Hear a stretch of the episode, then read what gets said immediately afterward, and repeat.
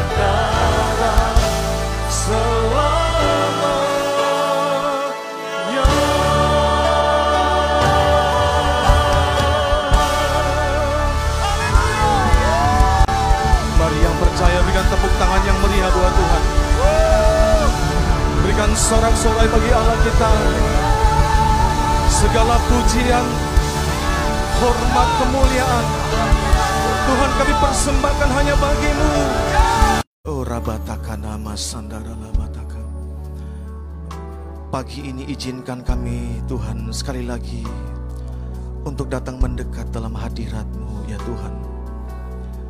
Kami datang tidak dengan tangan yang hampa, tetapi masing-masing setiap kami, kami boleh membawa korban pujian kami.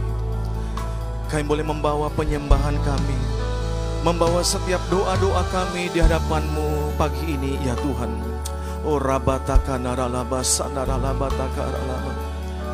Oh rabataka naralaba sanaralama. Mari saudara yang di rumah, mari buka hatimu.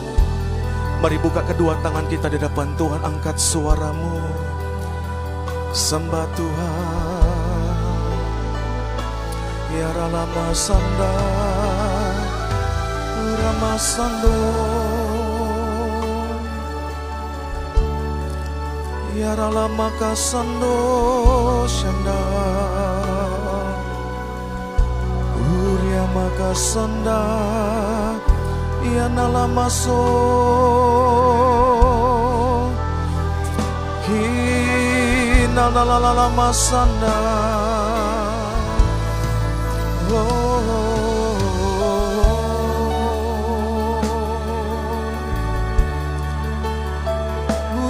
Masanda namo shanda. Urya nana masanda namo.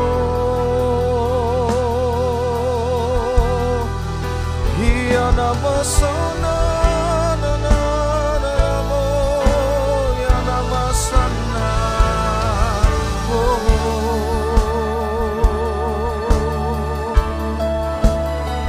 Pujilah Tuhan hai segenap bangsa Halu-halukanlah rajamu. Tinggikan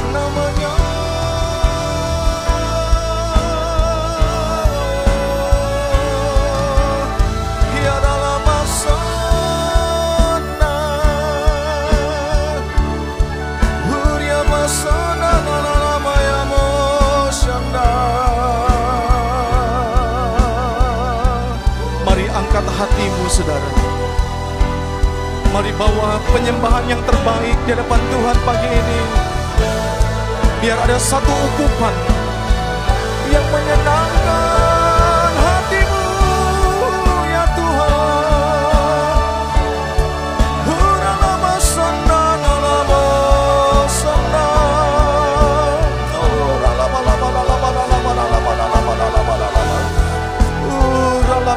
Takanamo. Roh Kudus, mari penuhi kami sekali lagi, lebih lagi.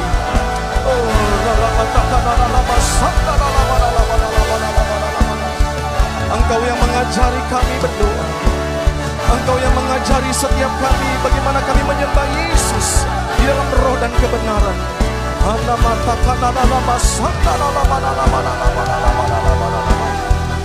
Mari banjiri kami lebih lagi, tenggelamkan lebih lagi. Izinkan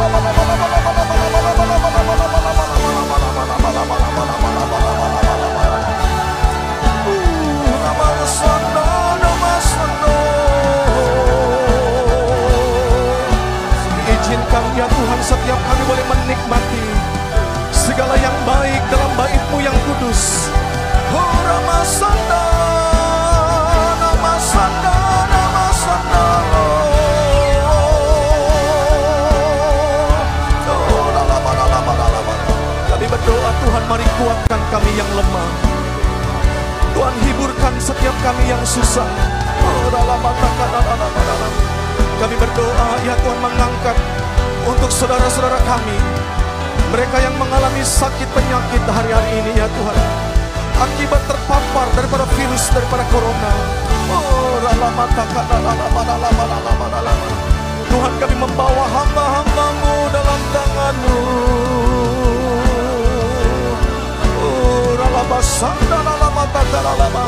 Tuhan pulihkan, pulihkan ya Tuhan.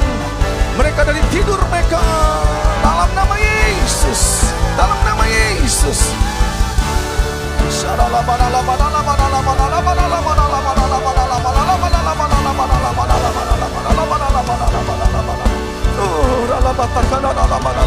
Kami berdoa sekali lagi Tuhan membawa untuk negeri kami, untuk bangsa kami Indonesia, ya Tuhan. Oh, Ralamasandadago. Turunlah belas kasihanmu bagi negeri kami Indonesia ya Tuhan. Oh. Tuhan terima kasih untuk awal tahun yang Tuhan berikan bagi bangsa kami. Akan tetapi kami banyak mendengar berita-berita yang kurang baik melanda bangsa kami ya Tuhan. Akibat daripada bencana alam yang terjadi di Sulawesi Barat. Oh, yang terjadi di Sumedang. Oh,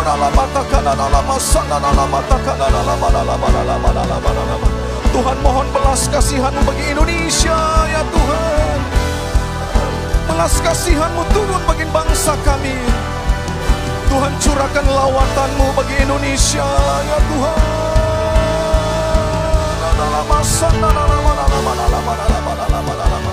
Kami berdoa Tuhan berikan hikmatmu bagi Bapak Presiden kami Jokowi, Bapak Ma'ruf Amin, bahkan seluruh kabinet Indonesia Maju ya Tuhan. Di dalam mengatasi setiap masalah demi masalah yang terjadi di bangsa ini. Pengurapanmu turun ya Tuhan.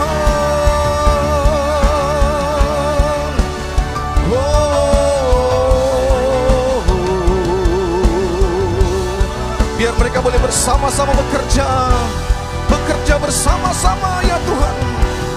Oh, lama takkan ada lama mengatasi setiap permasalahan yang ada di bangsa ini. Bahkan kami berdoa untuk masalah ekonomi di bangsa kami Tuhan. Tuhan pulihkan, pulihkan, pulihkan ya Tuhan. Lama-lama bangkitkan ekonomi bangsa kami, negeri kami. Kami berdoa Tuhan biarlah apa yang dirancangkan di awal tahun ini di dalam nama Tuhan Yesus, dalam nama Yesus. Kami berdoa Tuhan mohon kemurahan-Mu, mohon campur tangan-Mu ya Tuhan. Tuhan memberkati sumber daya alam bangsa kami. Tuhan memberkati sumber manusia yang ada di negeri kami. Kami berkata, bangkitlah Indonesia. Bangkitlah Indonesia. Mari ucapkan saudara buat bangsa ini. Berkati bangsa ini saudara. Oh, ralama, sana, ralama, ralama. Lepaskan berkat bagi Indonesia. Dalam nama Yesus. Ralama, ralama. Indonesia tidak akan pernah sama lagi. Indonesia mengalami perubahan dalam nama Yesus. Terima kasih Tuhan. Terima kasih Tuhan. Kami membawa gerejamu di sepanjang daripada minggu ini ya Tuhan. Mari tuntun dan bimbing setiap kami. Kami membutuhkan arahan-arahan-Mu ya Roh Kudus. Bahwa kami terus berjalan di dalam integritas, berjalan dalam kebenaran, sama seperti yang Kau janjikan bagi setiap kami. Mampukan kami ya Roh Kudus. Mampukan kami. Oh, rabataka daralama sadaralama takalara. Hinamataka nama sadaralama ralama ralama ralama ralama.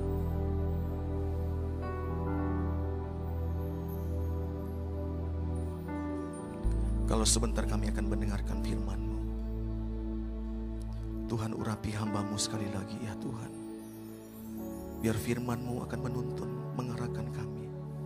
Buat kami mengerti ya Tuhan apa yang kami lakukan. Memasuki hari-hari yang di depan kami. Terima kasih Bapa. Ini doa kami. Dalam nama Tuhan Yesus.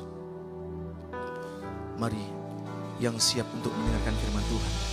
Bersama-sama kita katakan. Amin. Mari yang percaya berikan tepuk tangan yang meriah. Haleluya, puji Tuhan. Silakan duduk Bapak Saudara. Saya mengucapkan shalom, Bapak Saudara, sekali lagi shalom. Selamat pagi, salam sejahtera bagi semua kita. Nah, Saudara kita bersyukur kepada Tuhan kalau kita boleh berada di awal daripada tahun 2021 dan Saudara Tuhan menuntun kita begitu sangat luar biasa. Saudara memasuki tahun yang baru ini, Saudara-saudara. Nah, Bapak Ibu kasih dalam Tuhan, tema daripada firman Tuhan, Saudara tetap bahwa kita berjalan di dalam integritas dan kita berjalan dalam kebenaran. Dan saudara hari ini saya mengangkat ada satu tema juga subtema yaitu berbicara tentang hati yang tulus. Nah, mari sama-sama kita melihat dalam Alkitab kita dalam Mazmur pasal 15 ayat 1 dan ayat yang kedua. Saudara ini ayat yang menjadi landasan daripada tuntunan kita pada hari ini. Mazmur pasal 15 ayat 1 dan ayat yang kedua berkata demikian. Mazmur Daud. Tuhan, siapa yang boleh menumpang dalam kemahmu? Siapa yang boleh diam di gunungmu yang kudus? Yaitu dia yang berlaku tidak bercela, yang melakukan apa yang adil, dan yang mengatakan kebenaran dengan segenap hatinya. Nah saudara Mazmur pasal 15 ayat 1 dan 2 ini ditulis oleh seorang raja yang bernama Daud. Nah saudara Alkitab menyebutkan saudara pada waktu Daud menulis tema daripada ayat ini. Saudara dikatakan siapa yang boleh datang mendekat kepada Tuhan. Nah dalam ayat 1 dan ayat yang kedua saudara jelas Daud itu memberikan sebuah spesifikasi. Bahwa orang yang naik di atas gunung kudus Tuhan, saudara itu adalah orang yang dikatakan dia berlaku tidak bercela. Yang melakukan apa yang adil dan yang mengatakan kebenaran dengan segenap hatinya. Nah, saudara, dikatakan dalam ayat ini kata berlaku tidak bercela, saudara itu diambil dari satu kata, ada kata integritas dalam ayat itu. Nah, artinya apa, saudara? Untuk datang mendekat dalam Tuhan, saudara, untuk bersama-sama hidup dalam Tuhan. Saudara Tuhan mau kita ini memiliki sebuah hal yang bernamanya integritas. Nah saudara kita sudah banyak membahas tentang kebenaran. Saudara oleh karena kebenaran dan integritas saudara itu berjalan bersama-sama. Saudara kedua hal ini tidak bisa dipisahkan. Seperti logam mata uang saudara yang saudara artinya dua-dua itu punya kesinambungan. Nah saudara ya pada waktu kami rapat dengan gembala sidang maka dikatakan tahun 2021 ini kita harus fokus dalam kebenaran, kita harus fokus dikatakan di dalam integritas. Bahkan yang ketiga dikatakan kita harus hidup berinvestasi di dalam membangun manusia ilahi kita. Saudara kita memiliki sebuah karakter yang Tuhan itu landaskan dalam kehidupan saya dan saudara. Nah, pengertian integritas, saudara, ya dalam bahasa Latin, saudara, integer dikatakan. Itu utuh, lengkap. Ya. Bahkan saudara dalam bahasa Ibrani juga ya kata integritas itu lengkap, sempurna, utuh. Nah, saudara bahkan para ahli juga memberikan sebuah definisi tentang integritas. Dikatakan sebagai tiga hal yang selalu kita bisa lihat, perhatikan. Yang pertama dikatakan pada waktu saya dan saudara memiliki sebuah komitmen dalam kehidupan kita. Pada waktu dikatakan saya dan saudara memiliki yang namanya kejujuran. Bahkan dikatakan pada waktu saya dan saudara mulai ya melakukan segala sesuatu, mengerjakan segala sesuatu penuh dengan konsisten. Nah, saudara, para ahli memberikan definisi bahwa itulah yang namanya integritas. Nah, Bapak Ibu sering dalam Tuhan, dalam Alkitab ada satu contoh yang saya ingin perlihatkan kepada kita, saudara, yang bernama Daud. Nah tadi di awal ayat saya sudah sampaikan bahwa Mazmur pasal 15 itu ditulis oleh seorang raja yang bernama Daud. Nah Mazmur pasal 78 ayat 68 sampai dengan ayat yang ke-72. Saudara dikatakan tetapi ia memilih suku Yehuda, gunung Sion yang dikasihinya. Ia membangun tempat kudusnya setinggi langit, laksana bumi yang didasarkannya untuk selama-lamanya. Ayat 70. Dikatakan dipilihnya Daud hambanya, diambilnya dia dari antara kandang-kandang kambing domba. Dari tempat-tempat domba yang menyusui, didatangkannya untuk menggembalakan Yakub umatnya dan Israel miliknya sendiri. Saudara perhatikan ayat yang ke-72. Nah kita baca bersama-sama ayat ini. Saudara dikatakan demikian. Ia menggembalakan mereka, saudara dikatakan dengan ketulusan hatinya. Dan menuntun mereka, apa saudara dikatakan dengan kecakapan tangannya. Nah saudara ternyata Alkitab mencatat kenapa Tuhan itu memilih Daud untuk menggembalakan umat Israel pada waktu itu. Dalam ayat yang ke-32, saudara ternyata Tuhan mencatat dan Tuhan menemukan. Ternyata Daud ini adalah seorang hamba Tuhan. Seorang pribadi. Saudara dikatakan dia memiliki yang namanya ketulusan hati. Pada waktu dia mulai mengembalakan, menuntun umatnya. Nah, Bapak Ibu, saudara yang kasih dalam Tuhan. Mazmur pasal 78 ayat yang ke-72. Saudara, kata tulus hati dalam ayat ini. Saudara, kata ketulusan hati itu diambil dari satu kata, saudara, mengenai integritas. Katakan amin, saudara. Nah, dengan kata lain, saudara lihat betapa pentingnya integritas, betapa pentingnya ketulusan hati yang saya dan saudara harus miliki, saudara memasuki hari-hari di depan kita. Saudara memang kita tahu ada ayat menyebutkan kita cerdik seperti ular. Dan saudara jangan lupa kita juga tulus seperti merpati. Saudara untuk bertemu dengan Tuhan, untuk menghadap Tuhan, untuk hidup dalam Tuhan. Saudara kita memiliki harus yang namanya ketulusan dalam hati kita.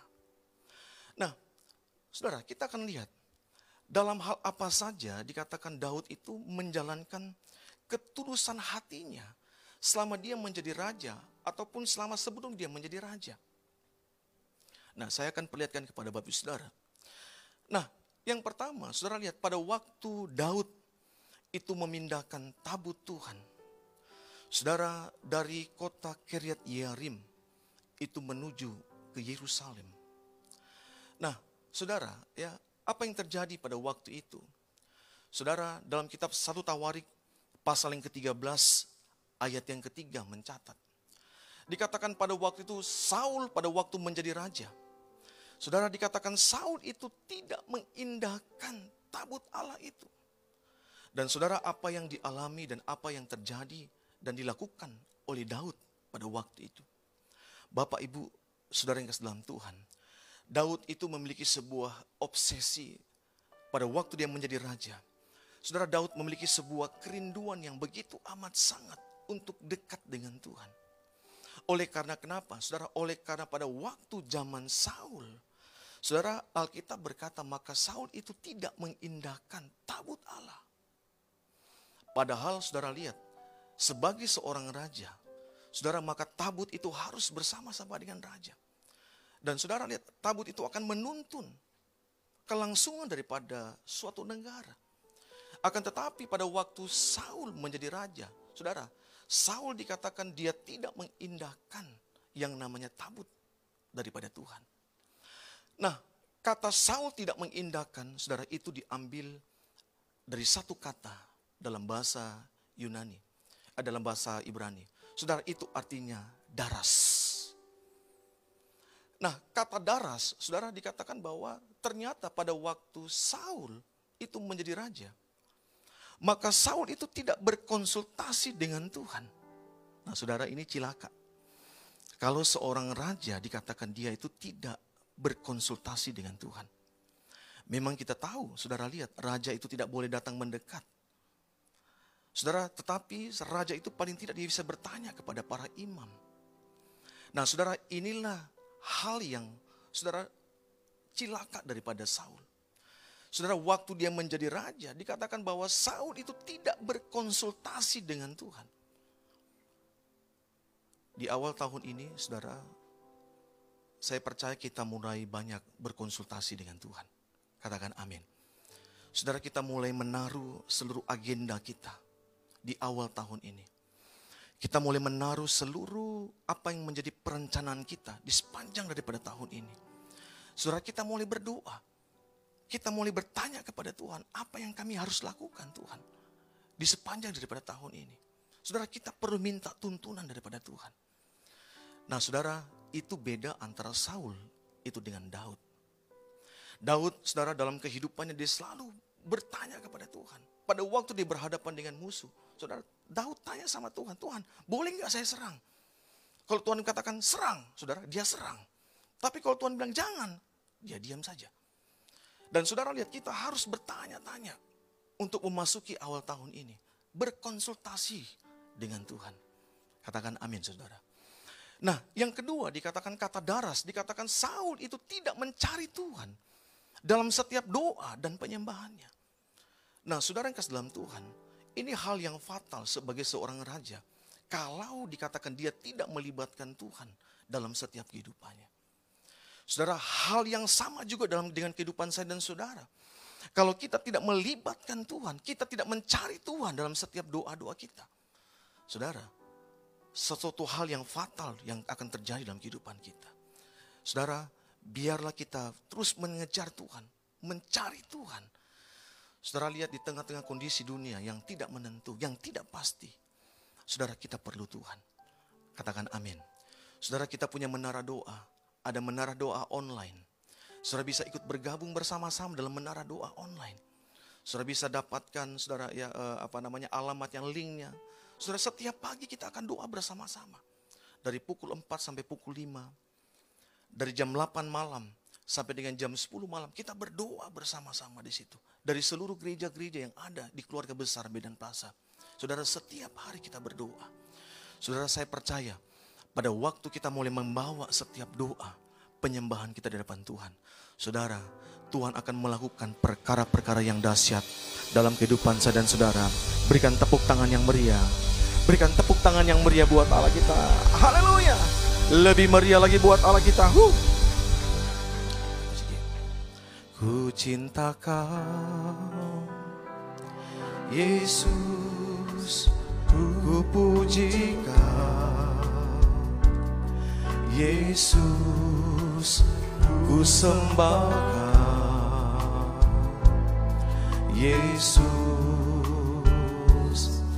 Tuhan dan Rajaku dengan senang hati dan dengan segenap jiwaku akal budi ku cinta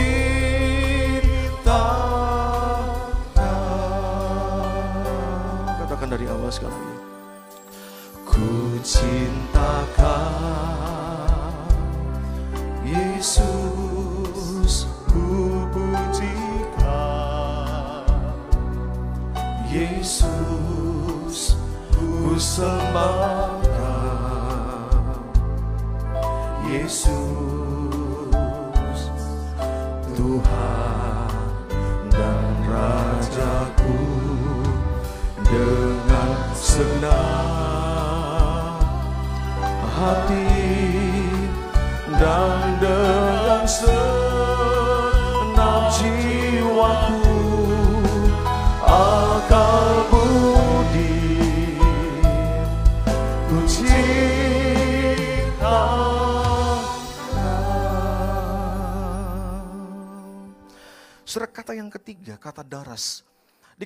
ternyata waktu Saul itu menjadi raja. Maka Saul itu tidak menghiraukan, dia tidak peduli dengan kehadiran daripada Tuhan. Nah, saudara, alangkah naifnya kalau kita ini menjadi pribadi-pribadi yang tidak peduli dengan Tuhan. Saudara, mungkin sekarang kita masih ibadah secara online. Dan ke depan saudara kita punya rencana untuk membuka ibadah secara onsite. Nah, saudara, apakah saudara tidak punya satu kerinduan untuk datang mencari Tuhan?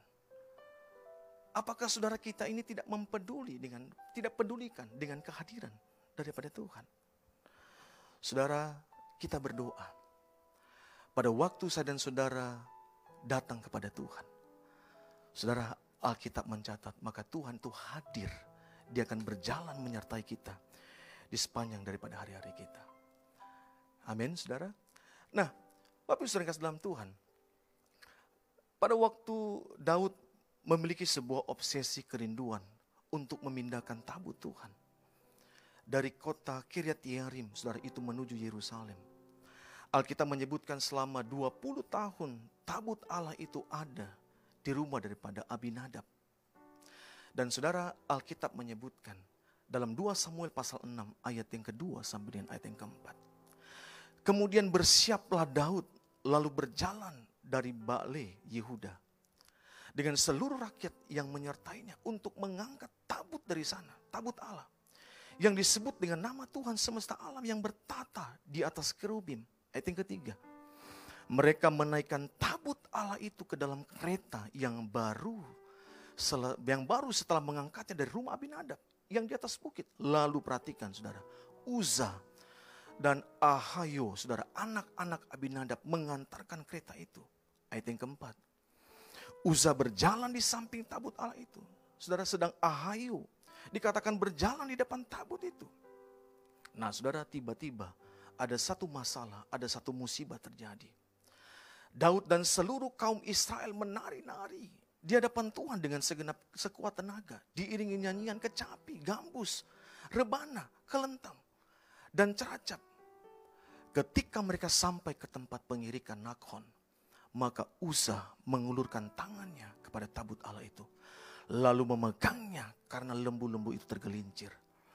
Maka bangkitlah murka Tuhan terhadap Uza. Lalu Allah membunuh dia di sana. Karena ketedodoran itu, ia mati di sana dekat tabut Allah itu. Saudara kasih dalam Tuhan, pada waktu Daud memindahkan tabut ini, tiba-tiba ada satu musibah terjadi. Saudara, kereta yang ditunggangi oleh tabut Allah itu, saudara maka dikatakan mulai tergelincir. Dan apa yang terjadi? Saudara, tiba-tiba tabut itu jatuh, mau jatuh, tetapi saudara lihat Uza coba untuk menahan. Dan saudara pada waktu Uza coba untuk menahan, tiba-tiba saudara Uza mati disambar oleh Tuhan. Saudara, saya pada waktu merenungkan ini, saya tanya, kenapa hal ini bisa terjadi? Bukankah Uza ini merupakan anak-anak daripada Abinadab? Bukankah Uza ini adalah, saudara, mereka itu sering melayani Tuhan di situ, bersama-sama dengan Tuhan. Tapi pertanyaan kenapa Uza itu mati? Nah, saudara dalam Tuhan,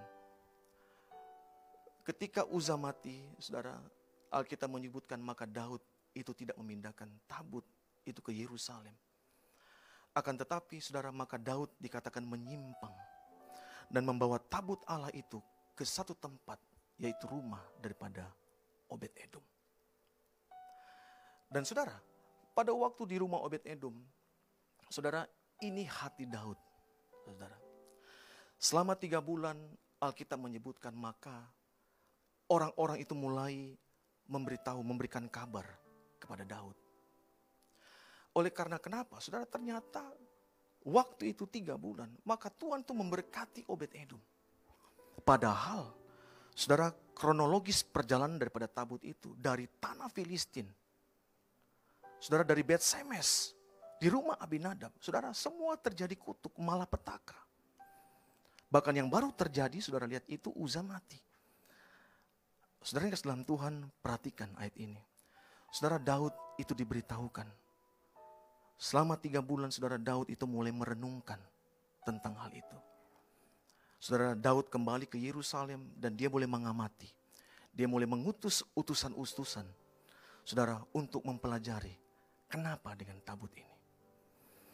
Dan Bapak Ibu kasih dalam Tuhan, ya.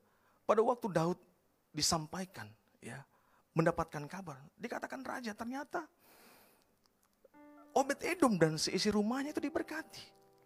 Saudara mungkin Daud sebagai seorang raja dia nunggu kapan Obed Edom mati. Mungkin dia tunggu bulan pertama kok nggak mati, saudara. Bulan kedua tidak mati juga. Bulan ketiga bahkan diberkati, saudara. Pada waktu dia lihat seperti itu, saudara, saya percaya Daud itu belajar banyak tentang hal itu. Nah, saudara, inilah ketulusan hati daripada Daud. Pada waktu dia memindahkan tabut Tuhan dari rumah Obed Edom menuju Yerusalem. Saudara, Alkitab mencatat dan Alkitab menyebutkan Daud dia berani belajar dari kesalahan yang ada. Saudara, kesalahan apa yang dimiliki oleh Daud? Nah, kadang-kadang saudara pada waktu kita mulai salah, saudara kita mulai terintimidasi dengan kesalahan-kesalahan yang dibuat. Saudara mungkin juga di sepanjang tahun yang lalu saudara begitu banyak mungkin kekeliruan. Banyak kesalahan-kesalahan yang kita lakukan. Saudara, dikatakan pada waktu dan saudara mulai berbuat salah.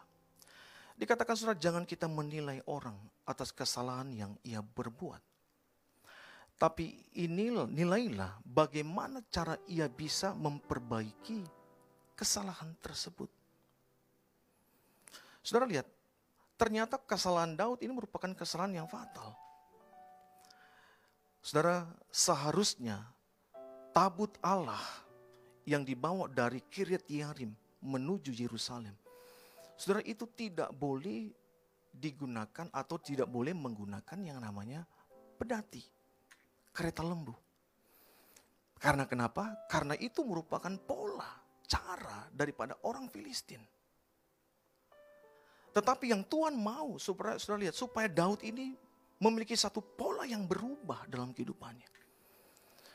Yaitu pola keimamatan.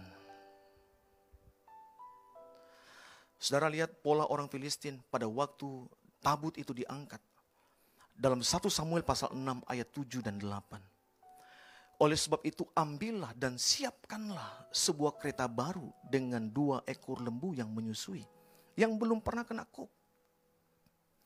Pasanglah kedua lembu itu pada kereta. Lalu bawalah anak-anaknya kembali ke rumah. Supaya jangan mengikutinya lagi. Ayat 8. Kemudian ambillah tabut Tuhan Muatkanlah itu ke atas kereta dan letakkanlah benda-benda emas yang harus kamu bayar kepadanya sebagai tebusan salah ke dalam suatu peti di sisinya dan biarkanlah tabut itu pergi. Saudara ternyata pola mengangkat tabut saudara dengan cara orang Filistin ini hal yang keliru yang Tuhan tegur kepada Daud. Nah, saudara yang Tuhan mau dalam 1 Tawarik 15 ayat 14 sampai dengan 15 yaitu pola keimamatan. Apa yang Musa itu perintahkan kepada Harun. Dalam ayat 15 pasal 15 ayat 14 jadi para imam dan orang-orang Lewi menguduskan dirinya untuk mengangkut tabut Tuhan Allah Israel 15. Kemudian Bani Lewi mengangkat tabut Allah itu dengan gandar pengusung di atas bahu mereka seperti yang diperintahkan Musa sesuai dengan firman Tuhan. Nah, jadi saudara lihat, tabut Tuhan itu harus diusung, diangkat.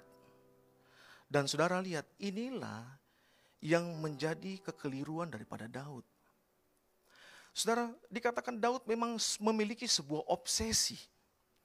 Daud memang saudara memiliki sebuah kerinduan pada waktu dia jadi raja supaya Tuhan tuh bersama-sama dengan dia. Akan tetapi ternyata saudara, kerinduan saja itu tidak cukup. Obsesi saja saudara itu tidak cukup. Tetapi saudara kita harus mengerti cara yang benar. Hidup yang benar pada waktu saya dan saudara mengangkat tabut itu. Saudara, kenapa gereja kita Tuhan pakai? Itu begitu sangat spesial Saudara para pemimpin kita, gembala pembina kita Pak Bambang, Pak Edi. Saudara begitu sangat konsen itu memperhatikan tentang yang namanya pelayanan daripada pemulihan Pondok Daud. Saudara kalau kita salah, saudara kita ditegur, beritahu bahwa ini cara yang benar. Ini pola yang benar. Sering dalam Tuhan, tahun 2021 kita perlu meningkatkan tidak hanya kita modal kerinduan saja, saudara, memang itu dasar dalam pelayanan kita, dasar dalam kekristenan kita menuju kepada hal-hal yang baru. Tetapi Tuhan ingatkan kepada kita, saudara, kita harus bisa mengubah, mengupgradekan diri kita. Mengangkat diri kita, saudara.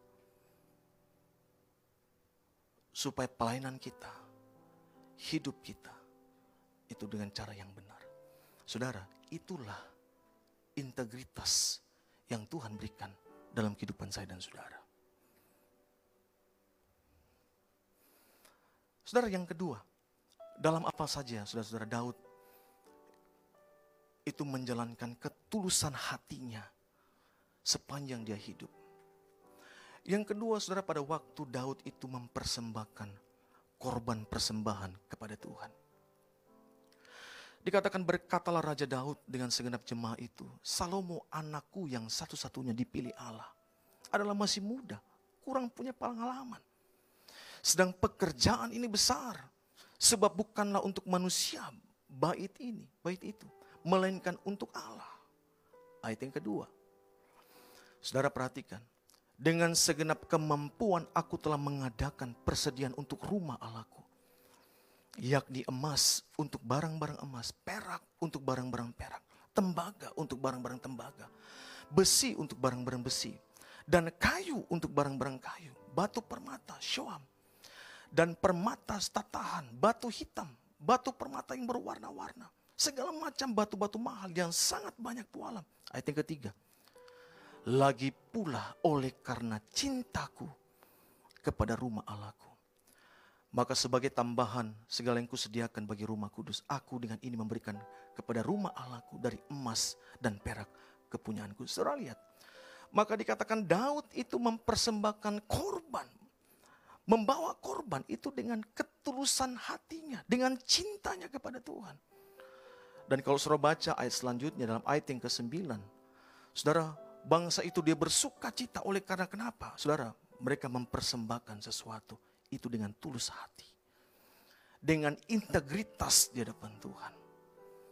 Saudara perhatikan ternyata integritas ketulusan kita. Saudara itu akan mempengaruhi apa yang kita persembahkan di hadapan Tuhan. Alkitab mencatat demikian. Nah satu ketika saudara dikatakan Salomo juga pada waktu dia membangun rumah Tuhan.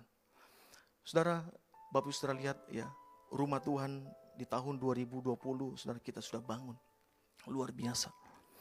Menara doa, saudara bahkan jalan di depan kalau Bapak saudara masuk ke depan, saudara maka taman itu sudah mulai indah.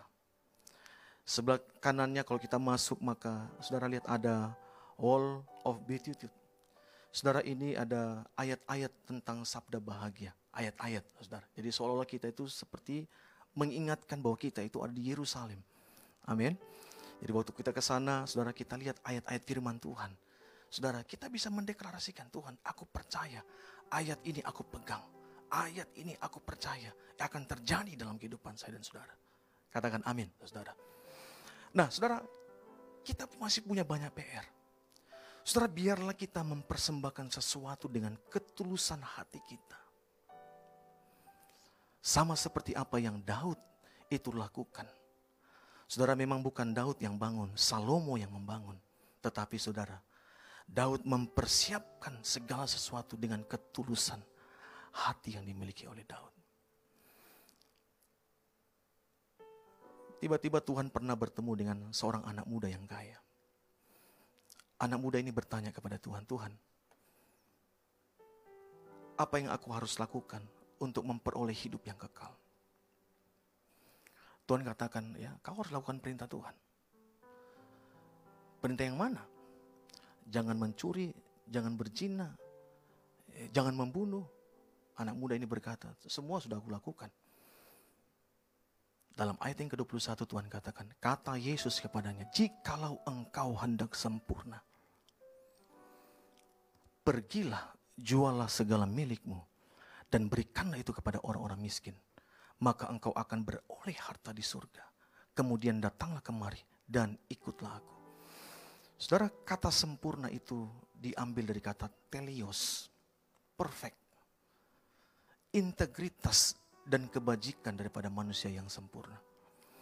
Saudara jangan sampai dikatakan kekayaan itu menghalangi integritas kita. Jangan sampai saudara lihat berkat-berkat yang Tuhan itu percayakan dalam kehidupan kita. Itu menghalangi kesempurnaan kita. Karena ingat kata integritas itu salah satunya itu adalah sempurna. Telios. Saudara gereja ini dipenuhi dengan pelayanan-pelayanan masyarakat. Saudara pelayanan daripada YSKI, daripada gereja kita. Saudara itu puji Tuhan menjadi berkat bagi bangsa-bangsa. Menjadi berkat secara nasional. Nah, saudara, kita berdoa. Saya percaya ada banyak hal yang akan terjadi tahun 2021. Tetapi pada waktu kita bersama-sama di tempat ini mau mengangkat beban, saudara, maka Tuhan akan pakai kita untuk mencapai kesempurnaan. Teleos, mari yang percaya, berikan tepuk tangan yang meriah. Mari kita bangkit berdiri bersama-sama. Ku cintakan Yesus ku puji kau akan masuk dalam perjamuan kudus. Yesus Mari Saudara yang di rumah Persiapkan Anggur dan roti kita. Tuhan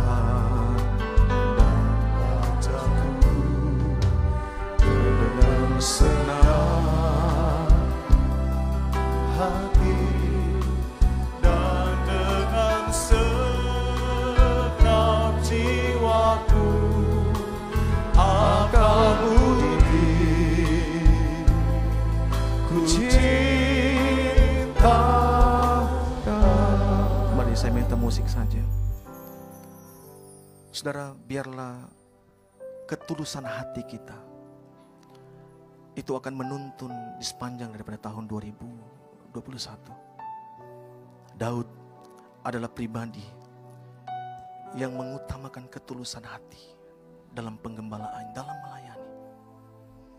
Pada waktu Alkitab katakan dia memindahkan tabut Tuhan. Saudara, Daud punya hati yang tulus.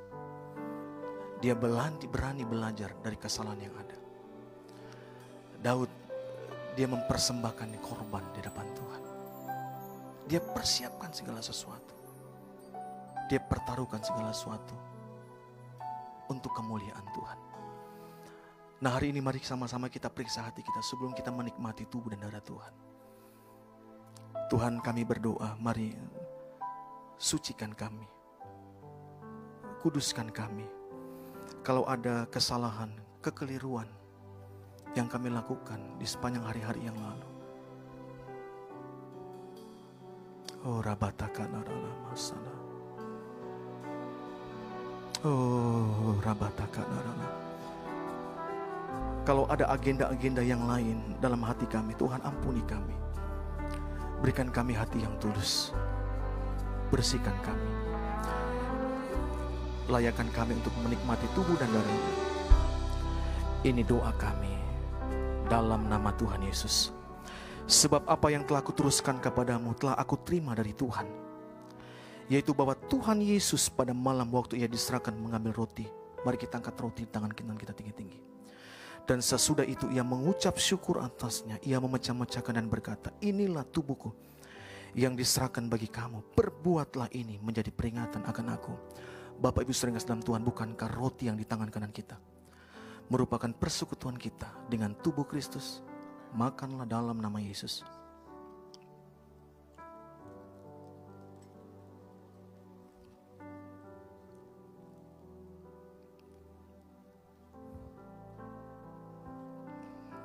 Demikian juga ia mengambil cawan. Sesudah makan lalu berkata, Cawan ini adalah perjanjian baru yang dimateraikan oleh darahku. Perbuatlah ini setiap kali kamu meminumnya menjadi peringatan akan aku. Bapak Ibu sering dalam Tuhan bukan kacauan yang di tangan kanan kita. Merupakan persekutuan kita dengan darah Yesus.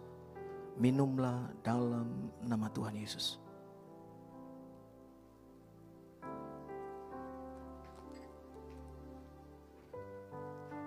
Mari buka kedua tangan kita.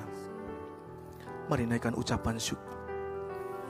Makasih Tuhan. Tiara lama sandara lama sando Uralama sandaralama sano. Yaralama sandaralama sano. Yaralama sana. Makasih. Oh, terima kasih Tuhan. Terima kasih Yesusku Terima kasih Yesusku Puji syukur hanya bagi Tuhanku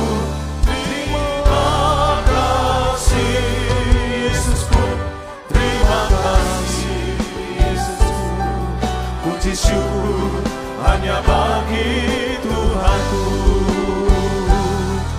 Puji syukur hanya bagi Tuhanku. Puji syukur hanya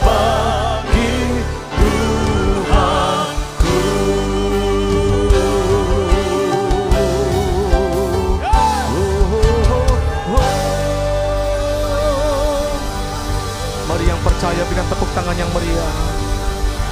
Haleluya. Uh. Tuhan terima kasih untuk hadiratmu di ibadah doa puasa kami.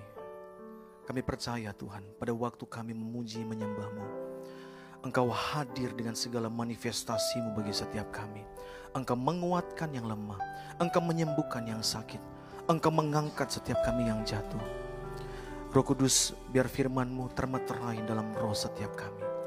Berikan kami hati yang tulus untuk menjalani hari-hari kami bersama-sama dengan Tuhan. Oh Rabatakan. Tuhan terima kasih untuk seluruh pemimpin-pemimpin rohani kami. Kami berdoa membawa untuk pembina rohani kami Bapak Niko.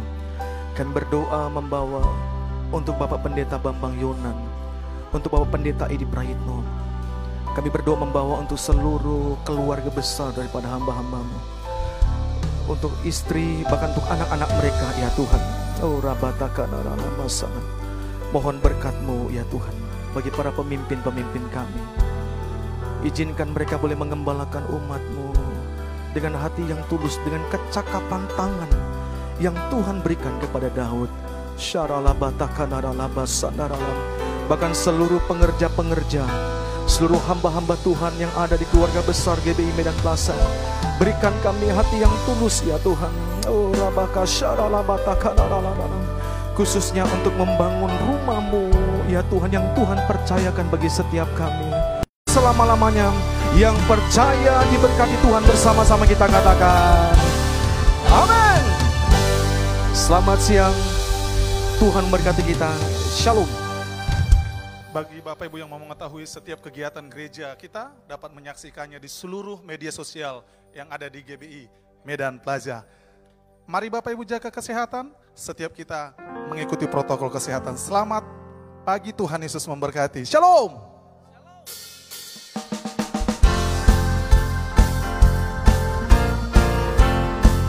Dia Tuhan yang menetapkan langkah-langkah orang yang berkenan di hadapannya.